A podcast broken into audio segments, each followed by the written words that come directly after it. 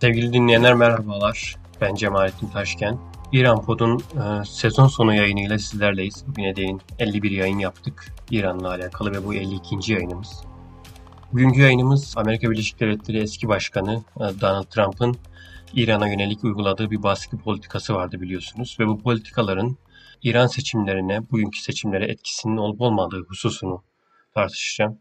Ee, bildiğiniz gibi 18 Haziran'da İran'da 13. Cumhurbaşkanlığı seçimleri gerçekleşti. Ee, İran'ın e, seçim atmosferine girdiği günden bu yana aslında İbrahim Reisi ismi öne çıkmıştı.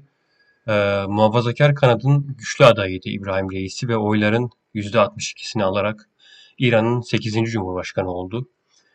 Yaklaşık 60 e, milyon seçmenin olduğu İran'da seçime katılım oranı oldukça düşüktü. %48,5 bir oranla 29 milyon oyun kullanıldığı seçimlerde reisi bu oyların 18 milyonunu alarak önümüzdeki 4 yıl görev yapmaya hak kazandı İran'da. Seçimleri protesto anlamına gelen boş oylar yani beyaz oy dediğimiz boş oylar bunların oranı 4 puan arttı ve %2'den %6'ya çıktı. Seçimden önce Ahmet Nejat ve Ali Larijani gibi İran siyasetinin güçlü ve önemli isimlerinin adaylık başvuruları reddedildi. Ve bu durum e, İbrahim Reisi ismini daha da ön plana çıkardı aslında. E, seçime günler kala e, bazı adayların örneğin e, Said Celili gibi önemli adayların reisi lehine seçimden çekildiğini açıklaması İbrahim Reisi'nin kazanma şansını daha da arttırmış oldu. Ee, İran iç siyasetinde ustaca dizayn edilmiş siyasi bir mühendislikle reisinin cumhurbaşkanı yapıldığı konusunda herkes hemfikir. E, İran'ı takip eden uzmanların dile getirdiği ortak fikir bu yönde. E, müesses nizamın e, iç siyasette muhafazakar bir ismi öne çıkarması hususunda dış politikada özellikle Donald Trump dönemi yönetiminin de önemli bir emeği olsa gerek.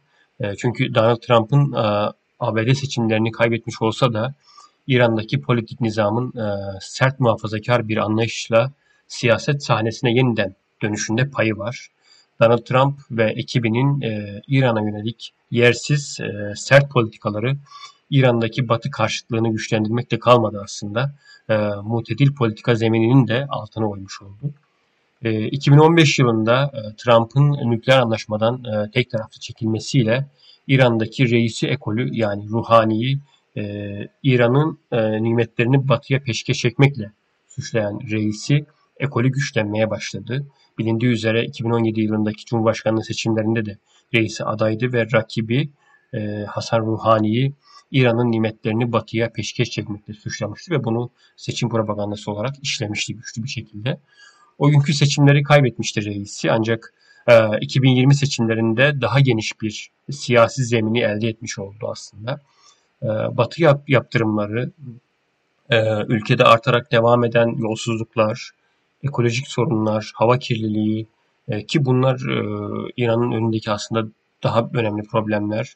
Tükenen su kaynakları, e, günlük e, geçim problemleri dahi e, bir türlü çözülemeyen halkın rahatsızlığı ve özellikle pandemi ile gelen e, ekonomik ve sosyal daralma e, tüm bu problemler e, müesses nizamın sorunlarla başa çıkma hususunda devrime daha çok sadık birine ihtiyaç olduğu fikrini de beslemiş oldu.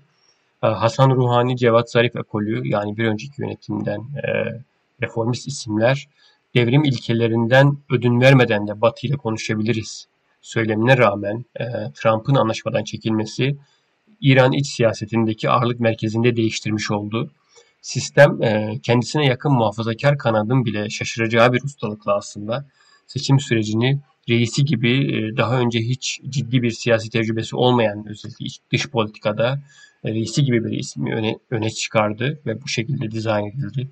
Böylece hem reformistlerin etkisi kırılmış oldu hem de e, kadın ve gençleri sandıktan uzak tutmayı başardı sistem ki bu seçime katılım oranına ciddi de yansıdı. İran tarihinin en düşük katılımlı seçimiydi bu. Zaten bugüne kadar e, İran siyasetinde e, etkinliğini artıran her mutedil ismin de e, Batı yanlılığıyla suçlanarak yok edildiğini biz defalarca gördük, şahit olduk. E, İran siyasetinde işletilen bu mühendislik e, devrimin korunma, korunmasına yönelik kaygıları olarak e, görülüyor sistem tarafından ve İran'a yönelik baskısını artıran diğer ülke yöneticilerinin de tavırları bu mühendisliği besliyor esasen. Ee, Trump'ın İran'a yönelik azami baskı politikasının elbette ekonomi üzerinde yıkıcı bir etkisi oldu. Bu inkar edilemez. Hatta baskı İran'ın başlıca sabit para kaynağı olan petrolü önemli ölçüde azalttı, petrol ihracatını. Ee, ekonomi 2022'de 2020'de e, %12 küçüldü. İran riyali hem yaptırımlar nedeniyle hem de ülkedeki umutsuz atmosfer nedeniyle hızla değer kaybetti. Tüm bu olumsuzlukların ötesinde aslında Tahran'a yönelik ekonomik ve siyasi baskılar, İran siyasetindeki muhafazakar kanadı siyaset sahnesini belki de daha önce hiç olmadığı kadar e, güçlü kıldı. Reformistlere de önemli bir darbe vurmuş oldu aynı zamanda. Aslında e, 40 yıldır devam eden yaptırımlar en çok da e, İran toplumundaki orta sınıfı yok etmiş oldu. Bu çok önemli bir konu. Öyle ki bu durum e, günlük yaşamdan siyasete, sanattan e, artık bir gelenek haline gelen günlük protestolara İran'ın genelini etkileyen bir düzeye ulaştı. Batı'nın özellikle Trump döneminde e, hem eylem hem de söylem düzeyinde artan baskısı İran orta sınıfının nüfusunu %45'ten %30'a düşürdü. Yoksul kategorisindeki İranlıların sayısı ise 23 milyondan 32 milyona yükselmiş vaziyette şu an. E, şunu da eklemek istiyorum ki e, geçtiğimiz son 5 yılda Trump yönetimi tarafından uygulanan azami baskı kampanyası e, ekonomik buhrana yol açarak İranlı orta sınıfın önemli bir bölümünü yoksulluk düzeyine taşıdı ki bu e, bu da ülkenin sosyal sınıf yapısının değişmesi anlamına geliyor malumunuz. Bu da İran'daki mutedil siyasetçilerin de söylediği gibi e, İran'ın ekonomik sıkıntılarına bir çözüm olarak Batı ile ilişki kurma anlayışının e, yok olması anlamına geliyor aynı zamanda. Ayrıca şu ayrıntıya dikkat çekmekte fayda var. Tahran'a yönelik e, maksimum baskı politikasının en şiddetli olduğu yıllarda yani 2016-2017 e, yıllarında İran'daki en başarılı 14 özel otoyol inşaat şirketinin e, 13'ü iflas ettiğini duyurdu. E, diğer yandan devrim muhafızlarına bağlı inşaat şirketi olan e, Hatemül Enbiya ise aynı dönemde projelerini ikiye katladı. E, böyle bir tezat durum var ortada. Ülke siyasetinin iki güçlü grubu olan muhafazakarlar ve devrim muhafızları ordusu aslında yaptırımların en karlısı durumunda şu an. Ancak bu iki gücü daha da kâra geçiren bir şey varsa o da tüm bunların faturasını Hasan Ruhani ve e, Cevat Zarif'e kesmek oldu onlar için. Daha karlı bir çıkış yolu oldu. Ee, peki bundan sonra reisi ne bekliyor? Reisi bekleyen şey şu, e, giderek artan ekonomik problemleri çözmek ve özgürlük taleplerini karşılamak zorunda olacağı bir dönem onu bekliyor. Reisinin e, tıpkı Ahmet Necat gibi dar gelirli gruplara yönelik e, günlük politikalar üzerinden bir yol takip edeceğini söylemek mümkün şimdiden. Bu da e, İranlı orta sınıfın e, toplumsal etkinliğini yitirmeye devam etmesi demek. E, Cumhurbaşkanı reisi elbette e, siyasi sistemi daha özgür bir zemine taşımayacak tabii ki ama gelecek seçimleri de dikkate alıp ilk dört yılını e, devlet ve vatandaş arasında sürekli gerilimlere neden olan e, kişisel özgürlükler üzerinden kısıtlamaları e, ve kadınlara yönelik baskıyı gevşetebilir ilk dört yılında. E, bu süreçteki benimseyeceği tutum reisinin dini liderlik makamını hazırlanması için iyi bir sıçrama tahtası olabilir diye düşünüyorum. Bundan sonrası için en aklıma gelen direkt yorumlar bunlar. Sevgili dinleyiciler yayınımızı burada bitiriyoruz.